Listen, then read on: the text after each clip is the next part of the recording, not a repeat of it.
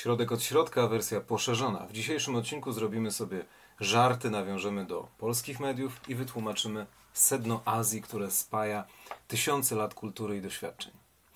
Mianowicie, w Polsce ostatnio zrobiło karierę słowo miękiszon. Nie chodzi mi o to, kogo opisywało, kto je wymyślił i jaki miało kontekst polityczny. Ale wyjątkowo jest niezwykle azjatyckie. Przyda się do tego książka wprowadzająca do konfucjanizmu. Ale po kolei. Uczonych konfucjańskich, jeszcze zanim pojawił się Konfucjusz, określano słowem żu. Zapisywało się w ten sposób. Po lewej stronie człowiek, na górze chmura, czasami też rozumiana jako deszcz, a na dole niebo. Znak miał trzy części. Lewe, lewa część, lewa połówka, góra i dół. Czytało się to i czyta się do tej pory jako żu, to, ta pierwsza litera budzi odrobinę wątpliwości, ponieważ e, zapisujemy RU w e, nowoczesnej, obo, obecnie obowiązującej transkrypcji chińskiego, mandaryńskiego, natomiast R w mandaryńskim jest czymś między naszym R a Z, więc język przylepia się gdzieś do podniebienia, do żuchwy na dole i robi się z tego takie żu, jakbyśmy coś mieli w, w gardle, w ustach. Brzmi to dziwnie, no ale tak to się czyta. Żu. Uczony konfucjański. We wprowadzeniu do konfucjanizmu czytamy Znak żu miał rzekomo pochodzić od znaku siu.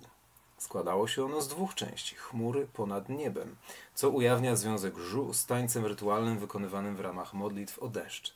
W inskrypcjach na kościach wróżebnych, czyli takiej pierwotnej wersji wróżenia, przepowiadania przyszłości, na kościach wróżebnych, na różnego rodzaju łopatkach wołowych i skorupach żółwich, powstawały y, pierwsze formy znaków, które ewoluowały w znaki chińskie do dziś. W inskrypcjach na kościach wróżebnych Siu przedstawiono jako człowieka skąpanego w deszczu, co wskazuje na rytualne ablucje dokonywane przez Żu do przystąpieniem do swoich obowiązków.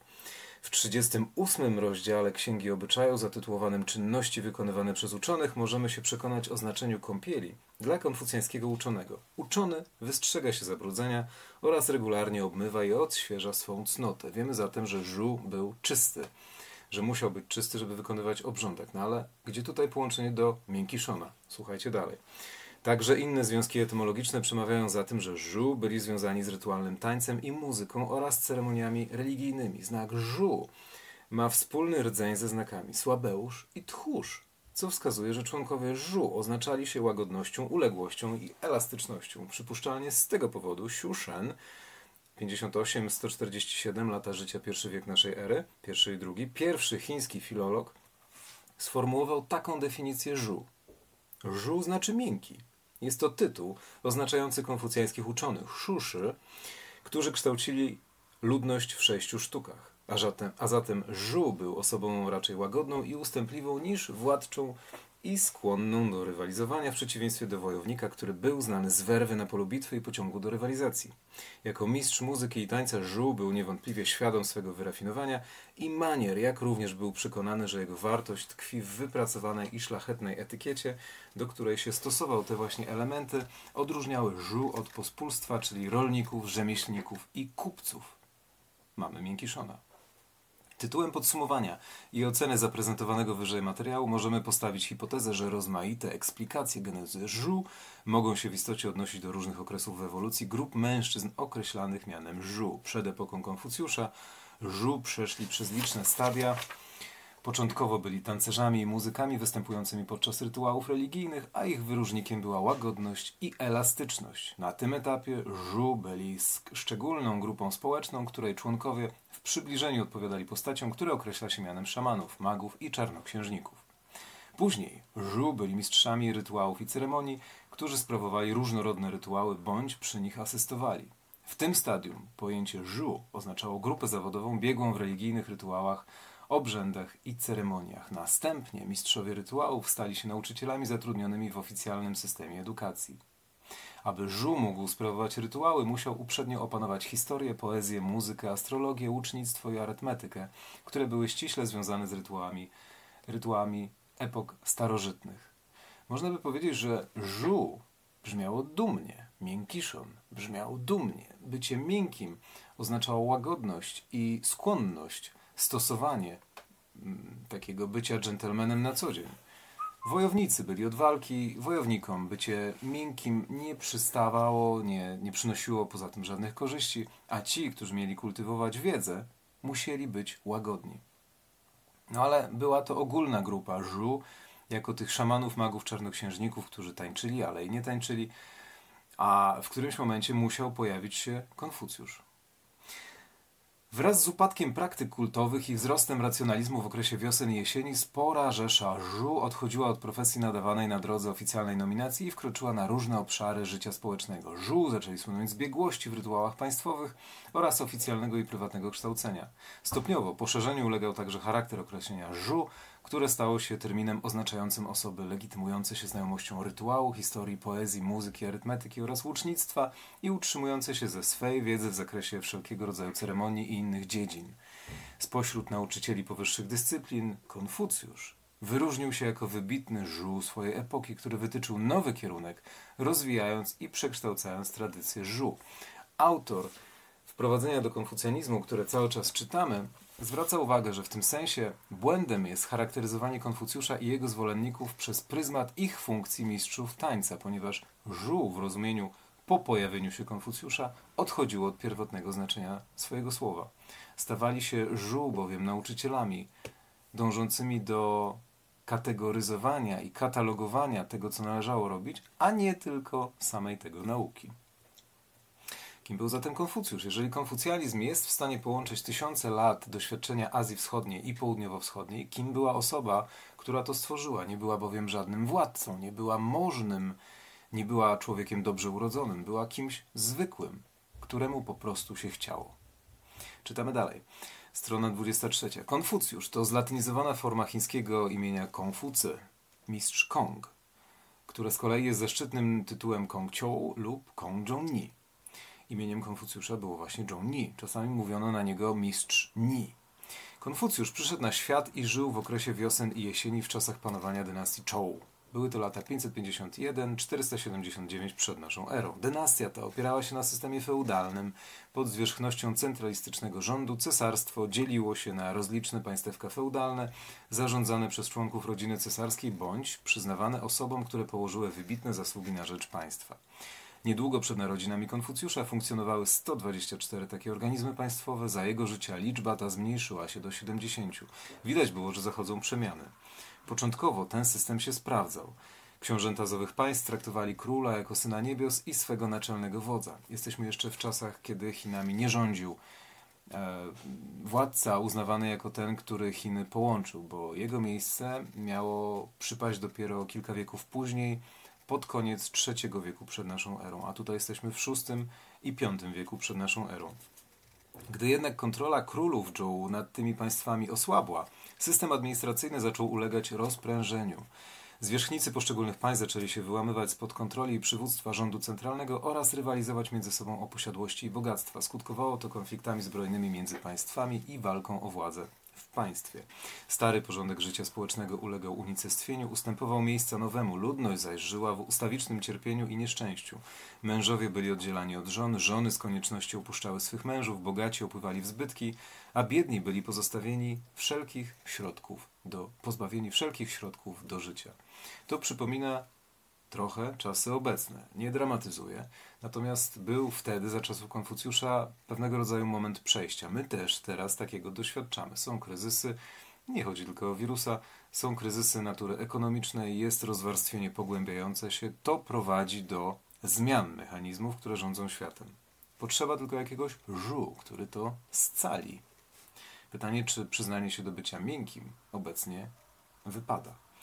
Przyczyny tego zamętu i niepokoju zgłębiali rozliczni myśliciele, którzy rozwijali własne recepty na przezwyciężenie tych problemów. Niektórzy wyrośli na pionierów rozmaitych szkół, a w ich gronie znalazł się Konfucjusz, najsławniejszy bodaj myśliciel swej epoki. Stał on na stanowisku, że chaos i wstrząsy zrodziły się z niewłaściwego używania oraz nadużywania rytuału albo etykiety.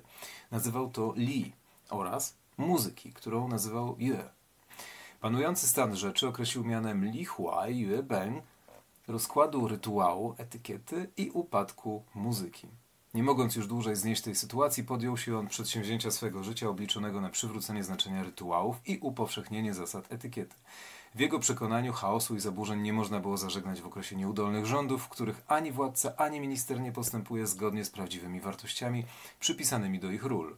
Aby zaprowadzić prawe rządy, władca i ministrowie powinni działać zgodnie z tym, co ustalono w starożytnych rytuałach, ponieważ tym, co decydowało o sprawnym rządzeniu, była siła cnót moralnych, a nie przymus okrutnych i surowych praw. Konfucjusz zrozumiał, że trzeba człowieka nauczyć tego, żeby żyć zgodnie z zasadami, a nie wmusić mu to w głowę, nie włożyć go w klatkę zasad, ale pokazać, że warto z nich korzystać. Cnoty moralne zatem mogą zbudować zaufanie i wiarę w ludzi, natomiast rygorystyczne posunięcia zdołają wyrugować występek tylko na chwilę. Skutecznym sposobem na urzeczywistnienie rządów cnoty jest właściwe sprawowanie rytuałów i wykonywanie muzyki, co pozwala wykonawcom pozostawać w stanie szczerości i lojalności oraz dawać dobry przykład prostemu ludowi, dzięki czemu poznaje on co dobre i co złe. No i teraz o samym Konfucjuszu. On pochodził z gminy, z gminu, z e, ludzi bardzo nisko urodzonych. Jego majątek, majątek jego rodziny jeszcze na, w pierwszych dekadach jego życia podupadał dzieciństwo miał jeszcze w miarę, natomiast e, później musiał imać różnych prac, żeby zarabiać na życie. Zanim oczywiście zajął się myśleniem i wprowadzaniem myślenia w życie. Skromność jego warunków bytowych i szlachetne pochodzenie były zapewne głównymi czynnikami motywującymi go do nauki. Droga do późniejszych osiągnięć była długa, lecz przebiegała etapami, o czym przekonuje nas jego poetycka autocharakterystyka, w której czytamy, że w wieku 15 lat skupił swe wysiłki na nauce, a wkroczywszy w 30 rok życia miał już na swym koncie pewne sukcesy. W 10 lat później osiągnął wyższy stopień, na którym sprawy świata już go nie dziwiły. Jako 50-latek wierzył, że pojął mandat nieba, gdy skończył 60 zrozumiał wszystko, co mu mówiono, a w wieku 70 lat osiągnął wyżyny ludzkiej przemiany, dzięki czemu mógł postępować tak, jak dyktowało mu serce, nie przekraczając reguł. Tak sam Konfucjusz mówił o sobie. No i teraz, choć zależało mu na przekształceniu systemów sprawowania władzy, sam zdawał się żywiej zainteresowany praktykowaniem cnót w domowym zaciszu niż piastowaniem urzędów. Gdy spytano go, dlaczego nie bierze udziału w rządzeniu, odpowiedział: Czyż księga dokumentów nie mówi o nabożności synowskiej?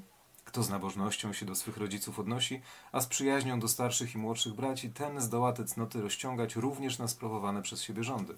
Tak więc, pielęgnując te cnoty, sprawuje również rządy. Czyż więc jedynie urząd pełniąc można rządy sprawować? Dla nas może to być takie bajanie o lepszym życiu, ale w momencie przejścia, wieki temu, kiedy nie było tak ujednoliconego podejścia do rządów, do sprawowania władzy, do tego, jak wpajać ludziom zachęty do bycia dobrym, Konfucjuszowi w głowie, nie, nie jemu jedynemu, ale jemu chciało się najbardziej, zrodziło się podejście do tego, żeby usprawniać. I takim Konfucjuszem budowniczym stawał się, piastował trochę stanowisk państwowych, był kilka razy ministrem, ale krótko, nie słuchano go. To, co mówił, nie znajdowało zrozumienia w jego własnej ojczyźnie. Zatem zaczął wędrować dalej. Widząc, że nie może zastosować swych doktryn w praktyce, w 497 roku Konfucjusz, na niecałe 20 lat przed śmiercią, Konfucjusz zdecydował się porzucić państwo Lu, będące jego ojczyzną, i wyruszył w drogę, wiedziony nadzieją, że w innych zakątkach świata jego słowa znajdą uznanie, jego projekty polityczne będą wprowadzane w życie, a jego ideały urzeczywistniane. 13 lat podróżował z grupą uczniów od państwa do państwa, często ponosząc porażki i popadając w rozpacz. Nigdy jednak nie utracił wiary w drogę nieba, nazywają, nazywaną Tien, i swoje powołanie na świecie. Wierzył, że niebo jest kresem, źródłem wiary, z którego czerpie optymizm i mądrość w zajmowaniu się ludzkimi sprawami. Gdy jednak Konfucjusz zdał sobie sprawę, że sytuacja jest beznadziejna i gdy zmieniła się jego pozycja polityczna w państwie Lu, wrócił do domu, poświęcając resztę życia na kształcenie uczniów i redagowanie starożytnych pism klasycznych, licząc na to, że jego uczniowie będą kontynuować jego dzieło i przekażą nauki późniejszym pokoleniom. Zmarł w czwartym miesiącu 479 roku przed naszą erą. Jeżeli chodzi o podsumowanie tego, co on zrobił, ostatni fragment.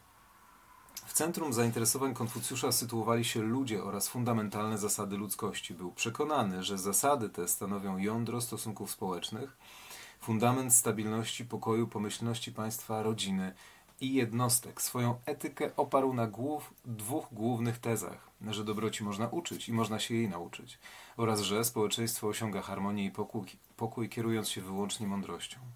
Chcąc wyłożyć te podstawowe twierdzenia, udoskonalił system pojęć. Cztery z nich stały się zasadniczymi ideami tradycji konfucjańskiej, a później zrębem struktury ideologicznej konfucjańskiego państwa. Były to droga, Tao, rytuał, etykieta, Li, humanitarność, Zhen i cnota, De. Poświęcając się całym sercem rozwiązywaniu ludzkich problemów, Konfucjusz propagował walory edukacji, cnoty i samodoskonalenia się. Z jednej strony stronił od praktyk religijnych, takich jak służenie duchom, i wolał mówić o życiu niż życiu po śmierci. Z drugiej zaś miał głęboką wiarę w niebo i przeznaczenie oraz ściśle przestrzegał obrzędu religijnego. Choć wierzył w swoje posłannictwo otrzymane od nieba, nigdy nie postrzegał siebie jako przywódcy czy za założyciela tradycji religijnej. Zajmował się jedynie przekazywaniem starożytnej kultury, która w jego przekonaniu była wzorem dla teraźniejszości i gwarancją na przyszłość. Zwykł mawiać, że jak jesteś w stanie zajmować się sprawami duchów, sprawami tych, których już nie ma, skoro nie jesteś w stanie okiełznać całego świata, w którym żyjesz.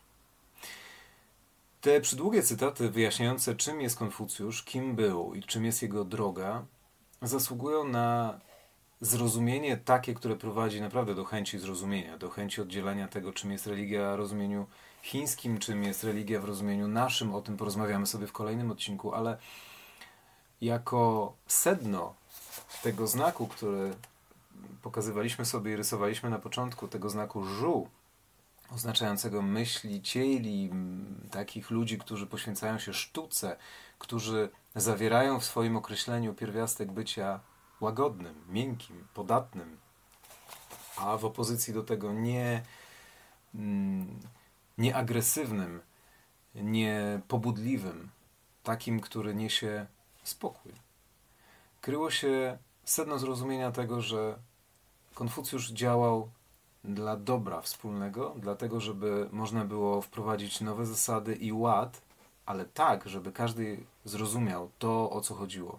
Żeby te zasady nie były narzucane przez króla i twardą ręką sprawowane rządy nie prowadziły do zapaści moralnej, tylko żeby, jak opisywał w jednej z utopijnych krain, żeby można było drzwi zostawiać otwarte, żeby dzieci mogły bawić się nawet pod opieką obcych i żeby nie było wojska, że w takiej krainie idzie się przez miasto pełne szczęścia i zadowolenia i zastanawia, co u nas jest nie tak, że w naszym państwie nie możemy żyć w ten sposób.